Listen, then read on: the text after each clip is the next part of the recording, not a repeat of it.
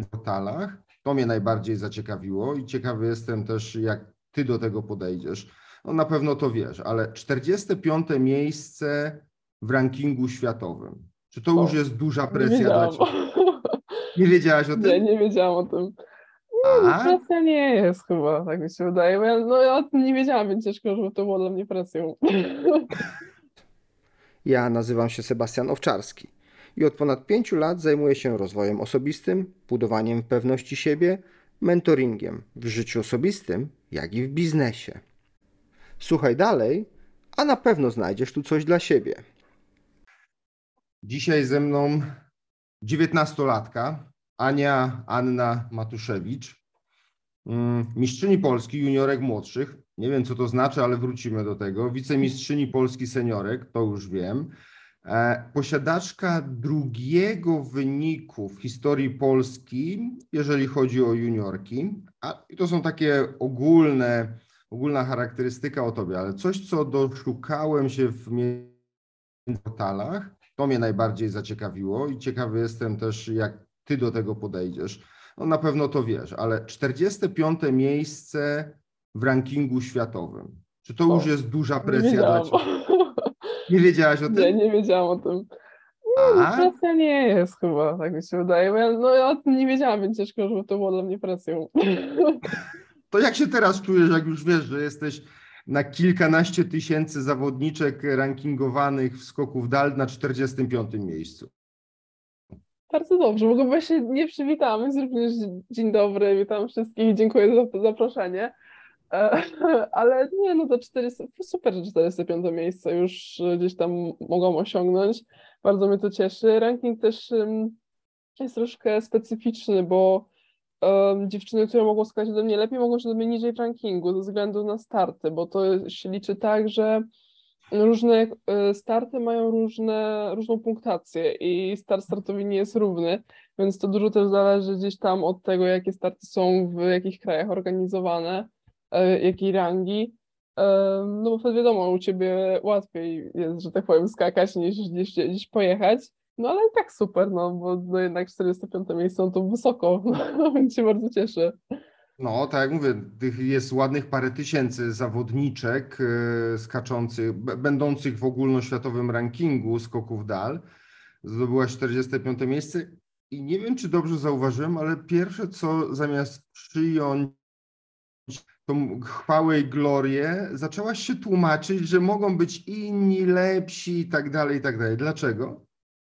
Znaczy, normalnie, hmm, ja ogólnie jestem dosyć skromną osobą, e, ale i nie lubię tam się chwalić, zawsze to rodzice mnie chwalą, ale no akurat, no jakby to było, nie wiem, 405 miejsce na jakieś, nie wiem, mistrzostwach, no to bym nie podważała tego, że jest 405, to ja też nie, nie podważam, ale no ranking jest właśnie taki, że są dziewczyny, które wiem, że skaczą ode mnie dalej, a na przykład w Monachium nie wystartowały, a ja wystartowałam. Jeśli mają lepsze rekordy życiowe. Stąd też no, to, to wytłumaczyłam. No ale to nie zmienia faktu, że trzeba jakiś poziom reprezentować i ileś razy do jakiś dobry wynik skoczyć, żeby się na tyle wysoko znaleźć. No tak, ale y, Pójdę jeszcze w lekkoatletykę i trochę e, pociągnę ten temat, bo w tym samym rankingu międzynarodowym, e, atletycznym międzynarodowym znalazłem naszego rodaka Pawła Fajtka, który od ponad 100 tygodni jest na pierwszym miejscu. I czy mówisz, że ten ranking też może być, że tak powiem, coś nie tak z nim? Nie, no Paweł Fajtek rzuca fenomenalnie i cały czas rzuca bardzo dobrze więc no nic dziwnego, że zajmuje pierwsze miejsce. Na pewno w rankingiem wszystko jest ok, to wszystko jest uporządkowane, każdy start ma swoje punkty, e, więc o to się nie ma co martwić. Tylko po prostu chodzi mi o to, że na przykład może być jakaś dziewczyna, która załóżmy ma życiówkę 6,60, a ja mam przecież 51, ale więcej razy skoczyłam koło tego 6,50, więc jestem wyżej w rankingu niż ona, bo wiadomo, że są dni, są osoby, które na przykład mają jeden start taki super sezonie, i potem skaczą 15-20 cm mniej. E, I one w rankingu będą po prostu niżej. Te, które skaczą regularnie, ale nawet mniej, będą wyżej. Tylko wiadomo, muszą startować na imprezach, które są punktowane, żeby się no. zdobyć te punkty. Podeślę tobie linki, żebyś wiedziała, Dobrze. gdzie szukać, na którym jesteś miejscu sobie to monitorowała. Ale co, chciałbym się cofnąć. E, takie pytanie może trochę przewrotne. Od czego to się zaczęło wszystko z tym sportem? I nie mam tu na myśli od tego, że, że wybrałaś skok w dal z lenistwa, bo było bliżej, tylko od czego się zaczął, kiedy się zaczął sport w Twoim życiu i od czego, jaki to, jak, jak to się, że tak powiem, pojawiło? Można powiedzieć, że on był cały czas, bo ja byłam bardzo aktywnym dzieckiem. Ja pamiętam, że jak ja byłam mała, to biegałam od telewizora i wskakiwałam na fotel i się pytałam, czy jestem chyba szybsza niż gepard, bo bardzo lubiłam gepardy wtedy. Oglądałam dużo Animal Planet, ja ogólnie lubiłam zwierzęta. Ale wyścigałam się z rodzicami od bramki do bramki, jak byłam na, na wakacjach nad jeziorem. Więc ogólnie to byłam aktywnym dzieckiem, dużo się ruszałam, bawiłam z rówieśnikami, jakieś chowanego, różnego rodzaju wszystkie berki, cukierki zamrażane i tak dalej. Sport jakiś taki powiedzmy bardziej treningowy zaczął się bodajże w trzeciej klasie podstawówki chyba, bo mhm. zaczęłam wtedy jeździć konno, bo mnie przyjaciółka do tego namówiła. No i bardzo mi się podobało dalej zresztą. Ja też całe życie lubiłam konie, dalej bardzo je lubię. No niestety już teraz nie jeżdżę. E, no, moja przygoda z jeździecem tak się zakończyła, że spadłam z konia akurat w tygodniu, gdzie miałam zawody z lekkiej, takie szkolne, no ale to były wtedy dla mnie bardzo ważne zawody, więc mimo, że nie trenowałam e, biegania ani skakania, a wtedy chyba wtedy biegałam, no to gdzieś tam stwierdziłam, że nie chcę mieć takiej sytuacji, że ja spadnę z konia i będę miał jakieś zawody szkolne i przez to gorzej wypadnę. E, ale udało się zrobić wicemistrzostwo Torunia, z tego co pamiętam, więc, więc tak fajnie. E, no po jakimś pół roku, chyba w piątej jakiejś klasie podstawówki, bo tam dosyć długo jeździłam, zaczęłam trenować szermierkę po mamie, bo moja mama trenowała szermierkę też. Mm, ale chyba tylko z pół roku trenowałam to, po prostu nie, nie było to. Um, I potem w szóstej klasie podstawówki zaczął się taniec. Okay. E, ale to też jakoś tak przez rok sobie tańczyłam, ale to też nie było, nie było takiego wow. Ale to bardziej były twoje wybory, twoje decyzje, żeby tak wiesz, iść, nie wiem, od koni przez szermierkę do tańca i, i może jeszcze coś innego, czy to bardziej, nie wiem, rodzice, otoczenie cię, że tak powiem, pchało, widząc w tobie potencjał? Hmm, chyba raczej moje, bo akurat na tej jazda konna to, to mnie koleżanka namówiła na szermierkę Um, chciałam pójść, bardziej, bardziej, ja chciałam pójść niż rodzice, oczywiście nie mieli nic przeciwko, a to był bardziej też mój pomysł, jak się dowiedziałam, że są zajęcia z szermierki, miałam takie, jest szermierka w szkole, a moja mama trenowała szermierkę, to ja też chcę. I też właśnie z inną koleżanką poszłyśmy potem na tańce, też poszłam z inną koleżanką, więc tak zawsze gdzieś tam z kimś sobie szłam, e, albo ja kogoś namawiałam, albo to ktoś namawiał mnie e, i w pierwszej klasie gimnazjum bardzo chciałam zacząć siatkówkę bo gdzieś tam właśnie zawsze nad jeziorem jakieś z rodzicami, bo my co roku jedziemy w to samo miejsce od, no ja od lat 18, a rodzice od no, 20 paru e, i zawsze jeździmy w to samo miejsce. E, to tam zawsze właśnie gramy w siatkówkę wieczorami i ja bardzo lubiłam zawsze te mecze i tak myślałam, że kurczę, może siatkówka byłaby jednak fajna, żeby tak sobie grać, trenować ale no jednak była dosyć daleko, bo tak jak Toruń, no to Stykówka była po, drugi, po, drugim, po drugiej stronie Wisły, no to praktycznie drugi koniec miasta, więc stwierdziłam, że nie, no to za daleko, musiałabym jeździć, ja na Szemierkę dojeżdżałam właśnie też tamte rejony i pamiętałam, że to mnie dosyć męczyło, no, a na Szemierkę jeździłam raz w tygodniu tylko za Wisłę, a drugą, drugi raz w tygodniu miałam ją w mojej szkole, więc to tak było dla mnie dosyć męczące, więc stwierdziłam, że nie, ja się muszę uczyć, ja jestem w zbyt poważnej szkole, ja tutaj mam ważne plany na przyszłość, być lekarzem, nie ma czasu na, na sporty, e, takie, które dziś mi zajmą tak, tak dużo czasu. No i na WF-ie mój nauczyciel mnie zauważył i powiedział, no, namawiał mnie bardzo długo, że, no, że ja mam możliwości, że powinnam właśnie spróbować się skakania, czy ogólnie treningów lekkoatletycznych, bo wszystkie te sprawdziany to tam bardzo dobrze mi szły. E, no i się w końcu po przełajach chyba poszłam, dałam się namówić, poszłam e, z inną koleżanką właśnie porozmawiać z moim pierwszym trenerem, e, ale wtedy jeszcze nie chciałam zacząć trenować, ale tak, a dobra, porozmawiam, nauczyciel już da mi spokój, powiem, że po prostu to, to nie moje klimaty i że nie będę chciała, no ale jednak było trochę inaczej, gdzieś tam podobało mi się to, mimo że cały czas jeszcze mówiłam, że nie chcę, nie chcę, to moja koleżanka zaczęła trenować, no i wyciągnęła mnie. No i ja też zaczęłam. No i był pierwszy, pierwszy udany skok i mimo, że tak, e, wiesz, z takim fajnym uśmiechem e, i zadowoleniem mówisz o tej siatkówce, to z lenistwa wybrałaś, e, wybrałaś, że tak powiem, skok w dal, ale powiem tobie jedną rzecz, że domeną ludzi inteligentnych jest lenistwo. Także to tylko pokazuje, że jesteś bardzo inteligentną osobą i uzdolnioną sportowo. To, tak można to odbierać? No, chyba można. No jednak gdzieś tam zawsze wyniki nauce też miałam dobre. E, rodzice bardzo tego pilnowali. Startowałam w różnych konkursach przedmiotowych e, z większym, mniejszym powodzeniem. E, więc no gdzieś tam te sport, naukowe osiągnięcia miałam. Potem przyszły sportowe, więc tylko, tylko się cieszę, że to się udawało tak fajnie łączyć. Dokładnie. Powiedz mi, zaczęliśmy od, od zacytowania Twoich wyników, pozycji w rankingu światowym, presji. Dotarłem do takiego jednego wywiadu z, nie pamiętam, było, ale to było rok temu. Miałeś 18 lat i snułaś plany wyjazdu do Monachium. E, stwierdziłaś, Może, nie że... Go. Nie pamiętasz? Nie. A, to ja ci zacytuję. E, dlaczego chciałabyś być w Monachium? Teraz cytuję. Mniejsza presja, bo jestem juniorką. Ciekawe doświadczenie. Byłabym jedną z najmłodszych zawodniczek. Tak mówiłaś e, rok przed wyjazdem do Monachium. Pojechałaś do Monachium, nie udało się zakwalifikować. Jak się wtedy czułaś? Coś, coś, co się działo? Może to zdziwić, bo dużo osób było pewne, że jestem smutna i że mi mówiło, że nie martw się, Ania, będzie dobrze, to było super doświadczenie, ale ja byłam zadowolona. Naprawdę byłam zadowolona, bo mimo słabego wyniku, ja wiedziałam, że ja zaryzykowałam i ja postawiłam wszystko na jedną kartę i to były, no ten jeden skok nie wyszedł, ale jakby wszystkie rozbiegi były bez zawahania, bo ja mam taką tendencję, cały czas się próbuję tego wyzbyć z trenerem, próbujemy jakoś to, tego się oduczyć, że ja się patrzę na belkę, cały czas na odbiciu, po prostu cofam biodra, patrzę się na belkę, zawsze jakoś się z tego ratuję, ale no to, to nie.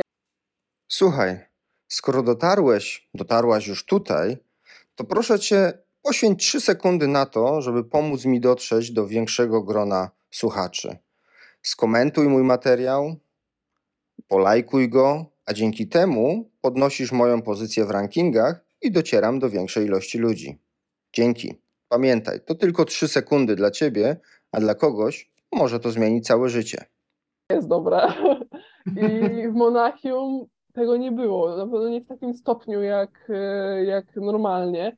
Więc to pokazuje, że ja faktycznie zaryzykowałam, że postawiłam wszystko na jedną kartę. Zresztą po tych rozbiegach też było widać, tam pierwszy był spalony chyba 2 cm, w drugim było 1,5 cm wolnego miejsca i trzeci był też jakieś 2 cm spalone.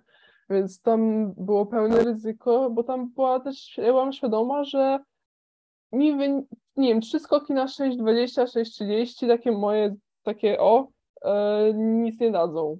Absolutnie nic mhm. mi nie dadzą więc to muszą być skoki po prostu, które wyjdą od A do Z i wtedy ja będę w stanie no, myśleć o finale. No jak było widać, finał był 6,49 dawało, więc to było naprawdę dalekie skakanie. Ja też byłam mm, po no, ale 6,49 po podróży. 6,49 tak? No twój rekord 6,51. Tak, no więc blisko, to trzeba było naprawdę daleko, daleko skakać. No i też miałam świadomość, że ja jestem po chorobie, że jestem po długiej podróży i gdzieś tam borykałam się z jetlagiem, więc raczej okoliczności i ranna pora konkursu nie były na moją korzyść.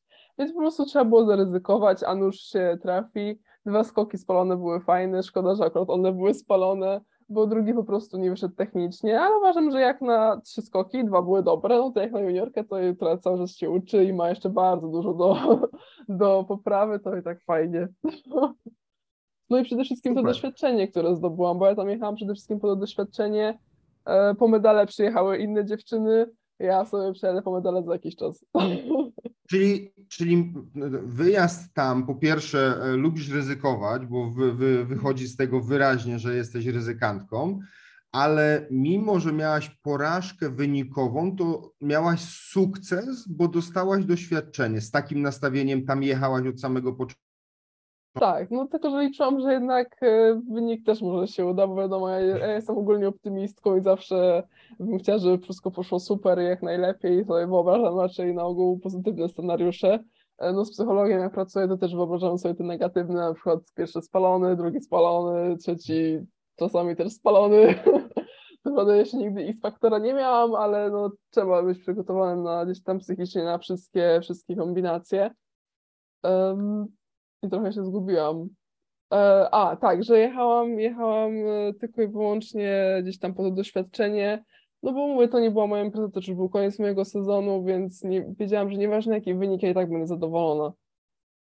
Słuchaj, powiedziałaś przed chwilą, że, e, roz, że pracujesz z psychologiem. Też do tego doczytałem i chciałem do tego za chwilę dojść, bo osobiście znam kilku sportowców. E, zaskoczę Cię, bo z Pawłem Fajdgiem jesteśmy z jednego miasta, jesteśmy sąsiadami, o. dokładnie rzecz biorąc. No, Paweł się teraz przeprowadza, że tak powiem, dom buduje, jeszcze przez chwilę. E, I nawet z nim rozmawiając jakiś czas temu, e, wiem, że on na przykład długo, długo nie pracował i chyba teraz znów nie pracuje z psychologiem, więc jesteś ewidentnie z tego młodego pokolenia, które chce korzystać ze wszystkich dostępnych narzędzi. Co daje tobie praca z psychologiem? Zdecydowanie jestem z tego pokolenia, bo no, widzę, że to pomaga faktycznie i gdzieś tam dietetyk, i psycholog, i fizjoterapeuta. Ja sobie zaczynam powolutku przez fizjoterapeutę, po psychologa i teraz gdzieś tam dietetykiem. E, uważam, że to wszystko bardzo dużo daje i naprawdę widzę różnicę, szczególnie gdzieś tam, jeśli chodzi o tą współpracę z psychologiem, no to ja pamiętam moje pierwsze mistrzostwa Polski, no to ja przed pójściem na rozgrzewkę tam miałam przez pół godziny, musiałam czekać i ja nie wiedziałam, co ja ze sobą robić, mnie zaczął boleć brzuch, byłam zestresowana i tam prawie płakałam. E, przed Mistrzostwami Polski w Radomiu, gdzie miałam, e, byłam faworytką do, do złota, ja dzień szybciej dzwoniłam do mamy, że ja w ogóle chcę wracać, ja nie wiem, co ja tutaj robię, przecież ja nawet nie przyjdę eliminacji i że to w ogóle bez sensu to wszystko, ja chcę do domu i na pewno nic mi się nie uda. No i wiedziałam zawsze, że ta głowa jest moim najgroźniejszym rywalem i że to właśnie sama ze sobą często, że tak powiem, mam problem na skoczni, a nie, a nie z dziewczynami. To się, no, jestem tym najgro, najgroźniejszym dla siebie rywalem, bo ja nie mam wpływu na to, co zrobią dziewczyny, a mam wpływ na to, co zrobię ja. I mhm. tutaj właśnie jakby w tym zakresie chciałam pracować, więc zaczęłam pracować z psychologiem E, robiliśmy jakieś różne wizualizacje i tak dalej, rozmawialiśmy dużo, muszą mnie poznać i wydaje mi się, że no, daje to duży bardzo efekt, bo jednak nauczyłam się skakać, wygrywać konkursy w ostatnich próbach, co pokazałam kilkukrotnie, mhm. albo po prostu zdobywać, zdobywać najlepsze wyniki danego konkursu w ostatniej próbie, a to nie jest łatwe. E, I często ja też tak miałam, widzę, że ludzie też tak często mają, że ostatniej próby już nie potrafią jakby odpowiedzieć, a to jest właśnie kluczowe, żeby w tym momencie, kiedy ktoś cię przeskakuje, jeszcze dołożyć te centymetry i, i wygrać. Pod tym względem był super konkurs y, w Suwałkach. Najpierw ja przeskoczyłam Roxanę w ostatniej próbie, potem ona mnie, więc no to pokazałyśmy obydwie, jak mamy twarde charaktery i że będziemy walczyć do końca. Um, no i też dużo pracuję nad takim ogólnym skupieniem gdzieś tam na skoczni, e, żeby się nie rozpraszać, żeby umieć zająć czymś myśli, e, no, głowę, żeby gdzieś tam tymi myślami nie iść e, mhm. negatywnymi, bo one bardzo często są. A, właśnie, a czym zajmujesz, czym zajmujesz głowę, czym zajmujesz głowę, bo jest takie, takie ćwiczenie, które, ja, ja, też się tak jak mówię zajmuję, to budowaniem pewności siebie, pracuję z ludźmi i bardzo często ludzie przed snem mają tą gonitwę myśli, zastanawiają się nad wszystkim. Jest bardzo proste ćwiczenie, które pozwala przed snem pozbyć się tego wszystkiego, po prostu wysłać sobie e, maila, wiadomość z tym, co masz w głowie. Wysyłasz do siebie i praktycznie zapominasz. Ale no, co robisz ty, kiedy masz 10-20 minut do no, bardzo ważnego, stresującego skoku? Wiesz, że ciało jest w 100% przygotowane, a głowa zaczyna, że tak powiem, za dużo kombinować. Co wtedy robisz? Najczęściej wtedy sobie odchodzę gdzieś od dziewczyn, e, bo mamy super klimat na skoczni i często jak są jakieś mniej ważne zawody, to po prostu rozmawiamy sobie między, między skokami, no jak są już jakieś mistrzostwa Polski na przykład, czy jakaś impreza międzynarodowa, e, no to gdzieś po prostu odchodzę, kładę się, siadam i układam sobie po prostu ten skok po kolei w głowie od A do Z, poprzez rozbieg, poprzez, ten rytm tego rozbiegu, do odbicia. Staram się wyobrazić sobie, jak macham rękami, mimo że wiem, że machać rękami tak nie będę. No to jest problem w technice, z którym mam dosyć spory. E, no i gdzieś tam sobie po kolei od A do Z cały ten skok wykonuję. Jeśli mam jeszcze czas, to sobie um, robię ćwiczenia oddechowe, skupiam się po prostu na tym oddechu, mhm. nie wiem, po, potem sobie wstaję, robię skipy, jak już myślę jakby cały czas o, o tych ruchach konkretnych, o, jak robię skipy, to myślę tylko o tym, że robię skip. E, jak już jest ten moment, że jest inna dziewczyna przede mną i jestem ja, poprawiam sobie, nie wiem, kompresy, kolce, jakieś sznurówki, e, zdejmuję bluzę, gdzieś tam jeszcze się poklepię. Czyli wizualizuj, wizualizujesz, wizualizujesz siebie tak naprawdę już na, w tym momencie, kiedy łamiesz też sześć, tak? Tak. Okej, okay. czyli w ten sposób. Dobrze. Powiedz mi, przepraszam, e, często w Twoim pokoleniu, w Twoich rówieśniczek, koleżanek zdarza się, że dziewczyny, no faceci zresztą też, e, chłopcy, pracują z psychologami, z coachami, nie wiem, z, z osobami, które prowadzą ich mentalnie? No, wydaje mi się, że tak, to się robi coraz bardziej powszechne. Ludzie widzą zalety tego, bo to naprawdę przynosi efekty. Dużo e, osób, które gdzieś tam jest na topie teraz w lekkiej atletyce mówi, że e, no, trening mentalny jest równie ważny co trening e, fizyczny. To też zależy od osoby, bo niektórzy mają tak mocną psychikę, że gdzieś tam teraz jeszcze tego nie potrzebują, może będą tego potrzebować za jakiś czas, ale wydaje mi się, że to się już będzie coraz bardziej powszechne i normalne, że tak powiem. I nie jest już wstydliwe chyba, nie. bo kiedyś powiedzenie, że idę do psychologa, to było dosyć wstydliwe, prawda? Tak, tak, zdecydowanie. No teraz to się zmienia i bardzo dobrze, bo to jest inwestowanie w siebie, E, to też nie jest tak, że ja z psychologiem sportowym przegaduję tylko i wyłącznie rzeczy sportowe, bo wiadomo, że na to życie sportowe wpływa bardzo moje życie prywatne i to wszystko musi się ładnie zgrywać e, i współpracować ze sobą. Wtedy dopiero będą wyniki. Słuchaj, e, sportowcy, kariera sportowców trwa kilkanaście lat zazwyczaj, prawda? Masz 19 lat, pewno jak będziesz miał około, nie wiem, 30 trzech lat, no to już będziesz schodziła z, z tego piedestału. E, od 88 roku w Polsce czekamy na pobicie rekordu świata, e, rekordu Polski w skoku w dal 6,97. Mamy 2022, masz 19 lat. W którym roku pobijesz ten, e, ten rekord? Kiedy sobie założyłaś taki cel? Nie założyłam sobie takiego celu konkretnego. Chcę po prostu e, go pobić kiedyś, ale mhm. kiedy jeszcze nie wiem, fajnie by było, żeby to się zdarzyło na jakiejś po prostu docelowej imprezie, na jakichś nie wiem, mistrzostwach świata, Europy albo igrzyskach olimpijskich. Um, ja też staram się na skoczni nie myśleć o konkretnym wyniku, że no teraz skoczę 6,52 na przykład. Ja po mhm. prostu chcę wykonać jak najlepszą próbę jak najlepszy skok, żeby wszystko zapracowało poprzez y, dobry rozbieg, odbicie, powiedzmy machnie, pomachanie tymi rękami e, i ląd- Czemu mówisz o tych rękach?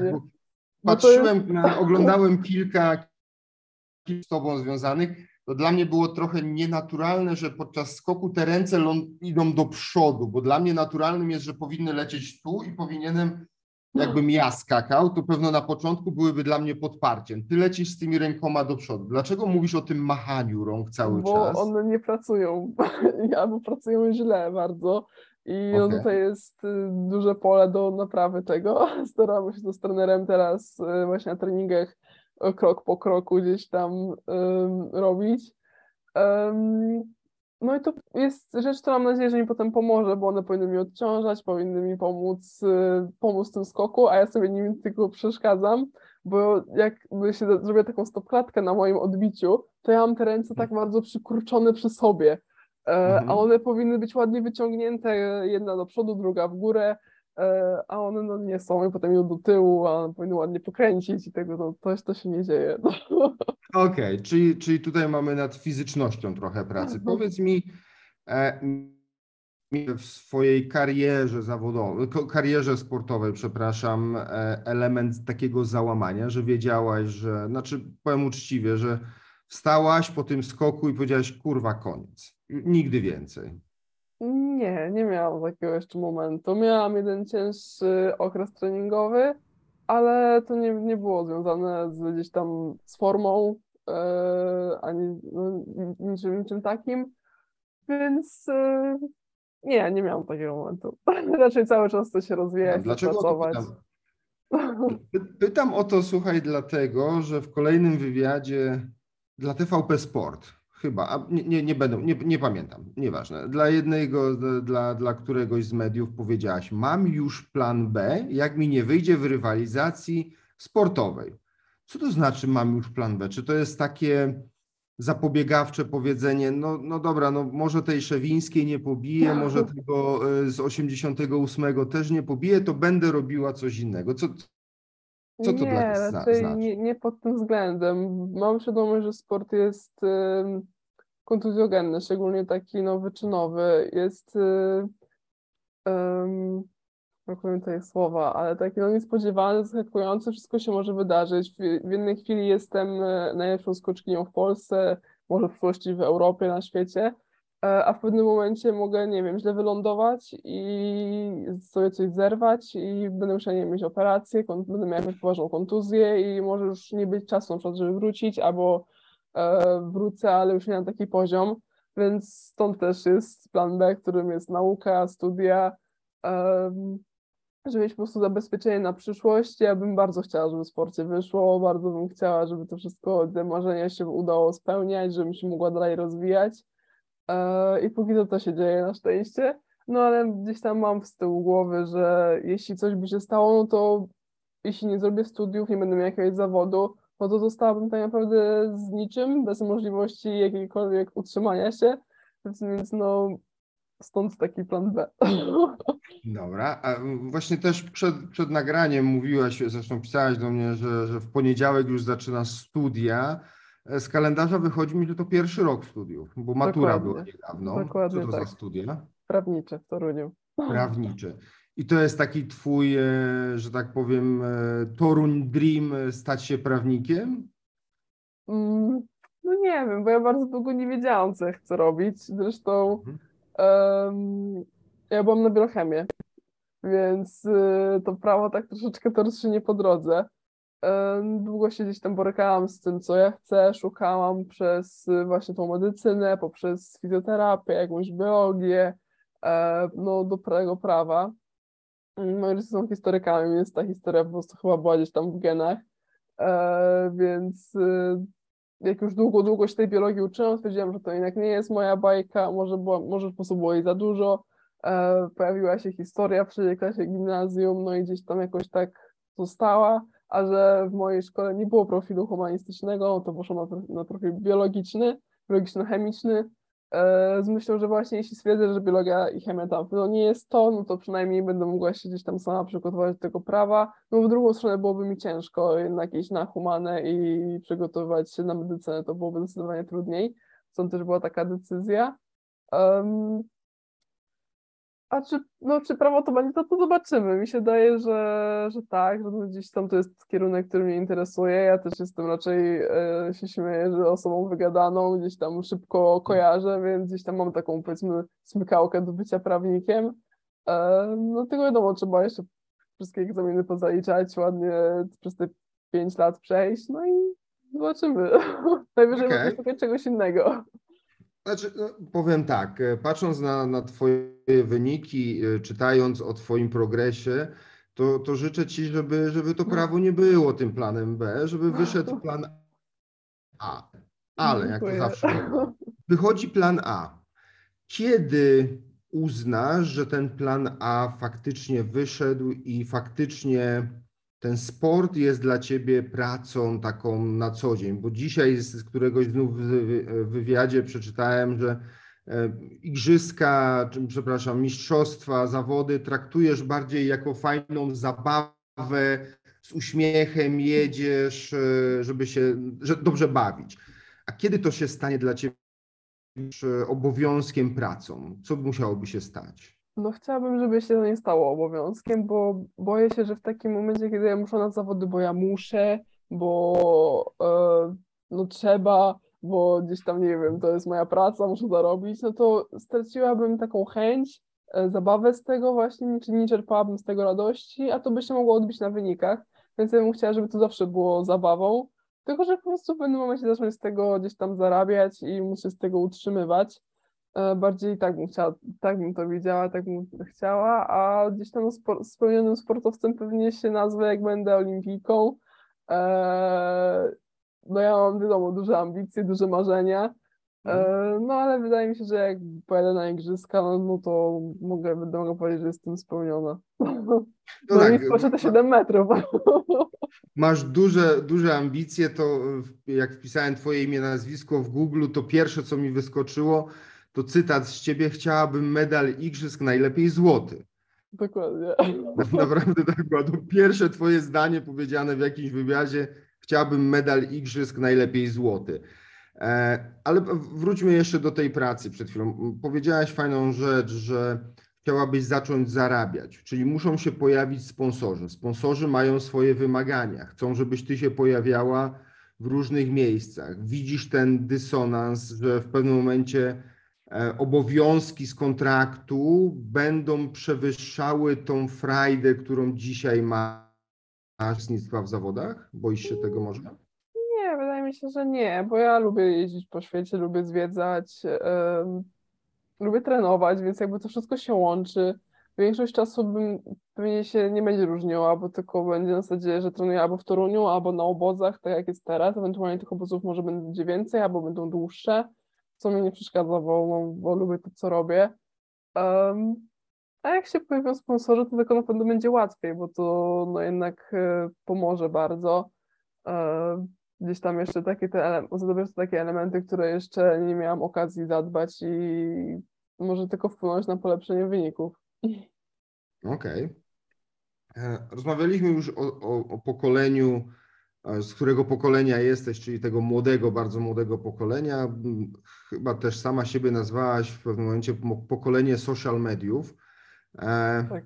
Myślę się, że social media, poza tym, że są pewnego rodzaju dźwignią, e, też do, w pewnym momencie do kariery w mediach też można zarabiać jak najbardziej, to domyślam się, że te social media tuż przed startem są jednak tą, e, tym ołowiem na plecach, e, który może zniszczyć Twoją głowę, tak jest?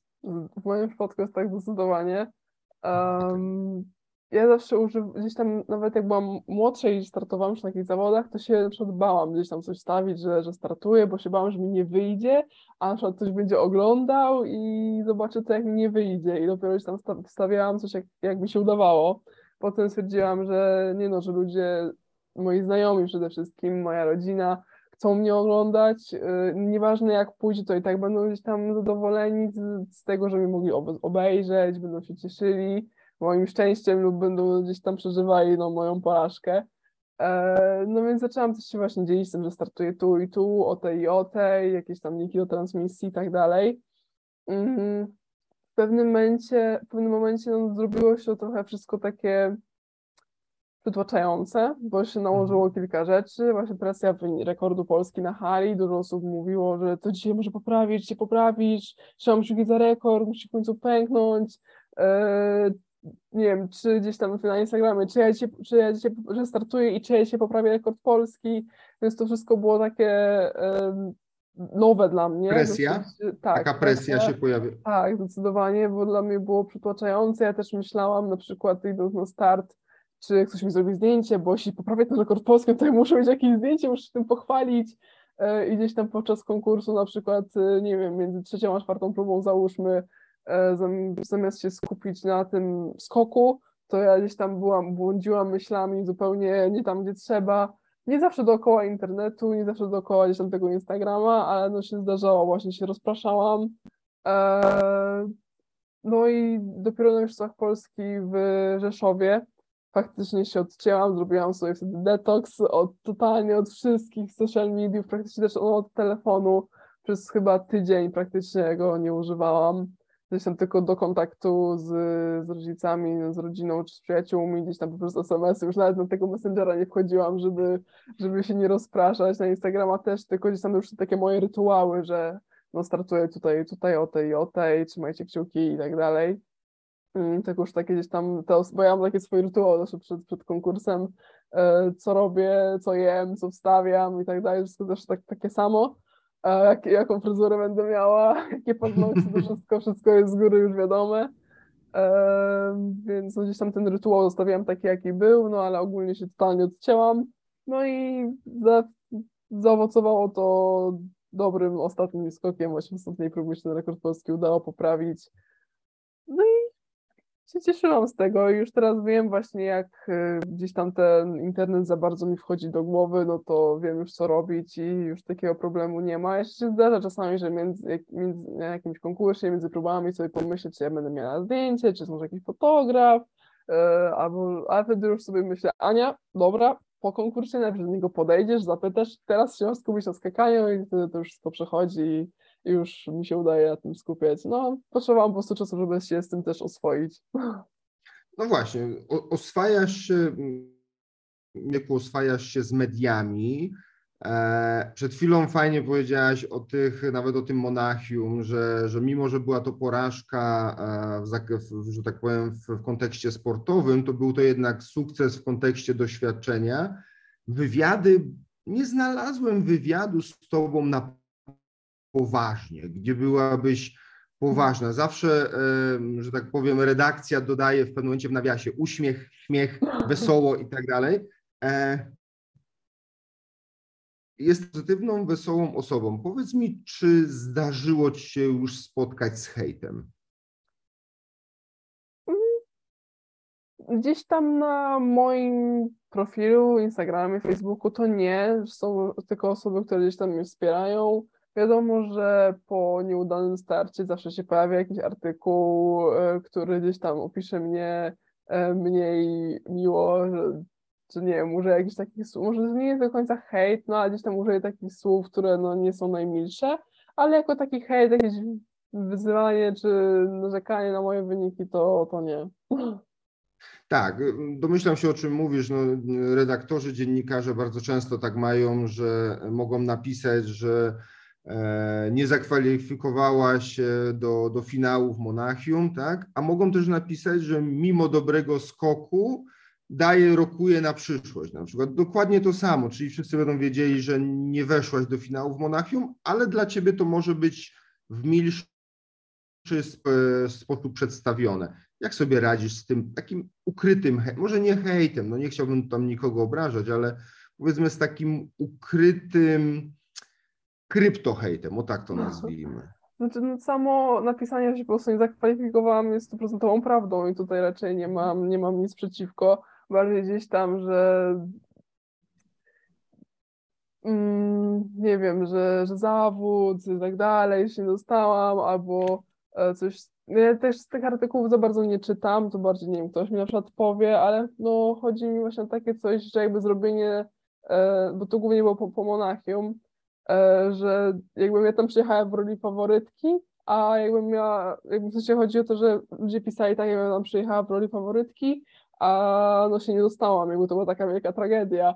E, I że no na pewno jest mi bardzo przykro z tego powodu, więc no, to bardziej w tym sensie. No, ja ogólnie staram się nie czytać e, w trakcie sezonu, e, jak już gdzieś tam po, ale po sezonie już gdzieś nie pamiętam, bo już się skupiam na, na czasie spędzonym z przyjaciółmi, z rodziną, no, na odpoczynku, e, bo no bałabym się, że jednak może to gdzieś zostanie w mojej głowie, gdzieś, skoro te social media tak bardzo potrafiły e, wpłynąć na to, że to też może by, by wpłynęło i staram się po prostu tego unikać, tego nie czytać.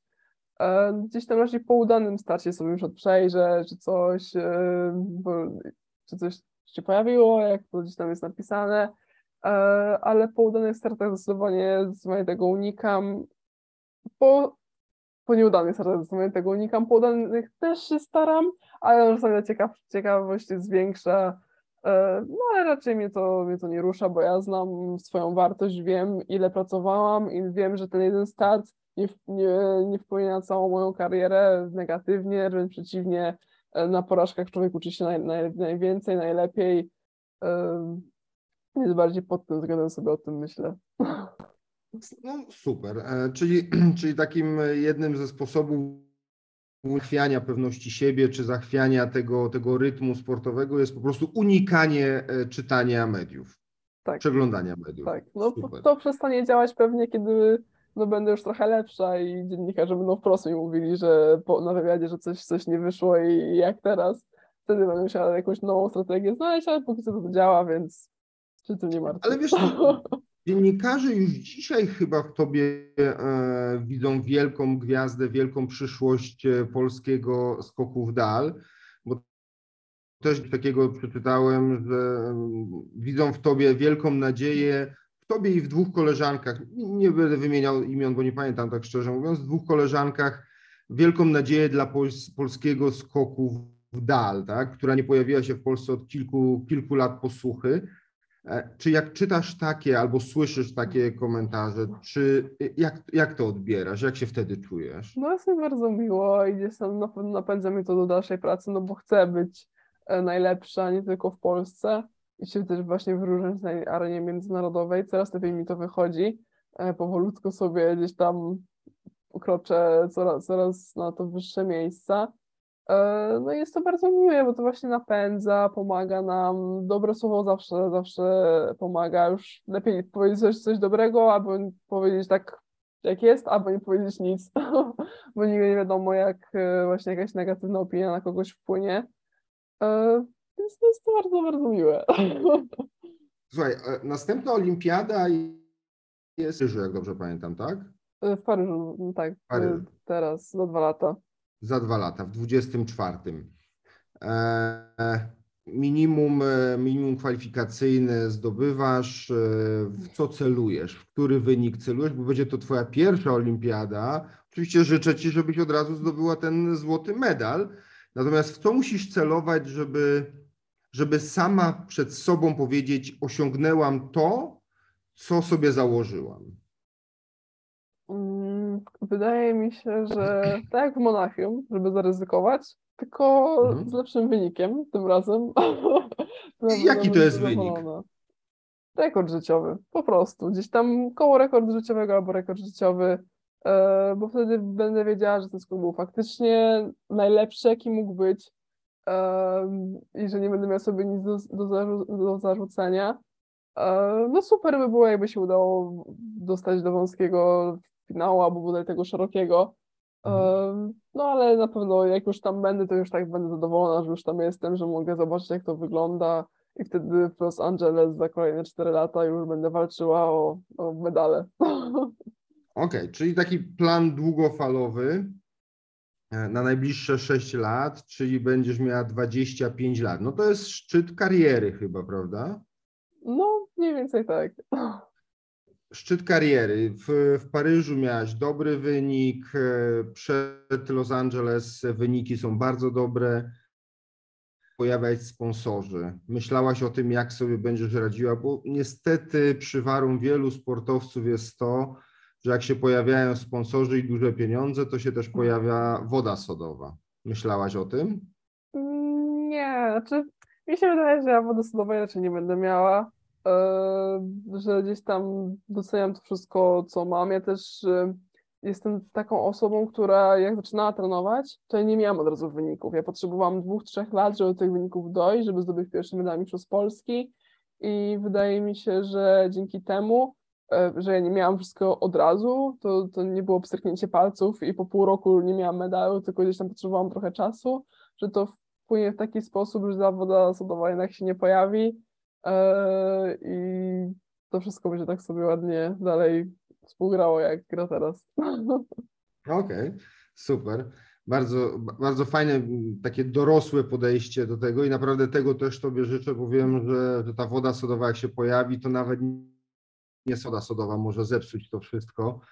Mamy dużo przykładów, e, nie tylko polskich, ale na świecie, że dobrze zapowiadający, dobrze zapowiadający się sportowcy, kiedy dostali pierwsze kontrakty, nie wiem, dziesiątek, setek tysięcy dolarów, e, no skończyli swoją karierę dosyć szybko. Więc życzę Ci, żeby ta kariera jak najbardziej się rozwijała i mam nadzieję, że już w tym Paryżu będę miał przyjemność e, zobaczyć więcej niż 6,51, ale powiedzmy 6,60 parę, to, to jest już, e, to już będzie z ciekawości, bo tego nie doczytałem. Jaki wynik dzisiaj, e, znaczy w zeszłym roku były w Japonii, tak? No, Olimpiada w Japonii. Tak, złoty medal, to co to było? 7-0-0 Michał skoczyła. A tam podobno były złe warunki. Akurat tego konkursu nie oglądałam. E, oglądałam tylko te najlepsze skoki 3, e, bo on był w nocy, a ja wtedy też miałam sezon, więc no nie, nie wstawałam. E, ale podobno właśnie wiatr był taki niefajnie kręcący, tam chyba był taki poprzeczny w twarz, taki boczny bardziej w twarz, więc no warunki były ciężkie. E, No a 7 metrów, no to jest ta, ta elita i no to tylko potwierdza, że no Mihambo super skacze. No ja mam nadzieję, że też kiedyś tak będę skakała. No wiesz, ty, ty, ty celujesz e, w 6,98, żeby pobić, tak? Czyli, czyli ten polski główny rekord.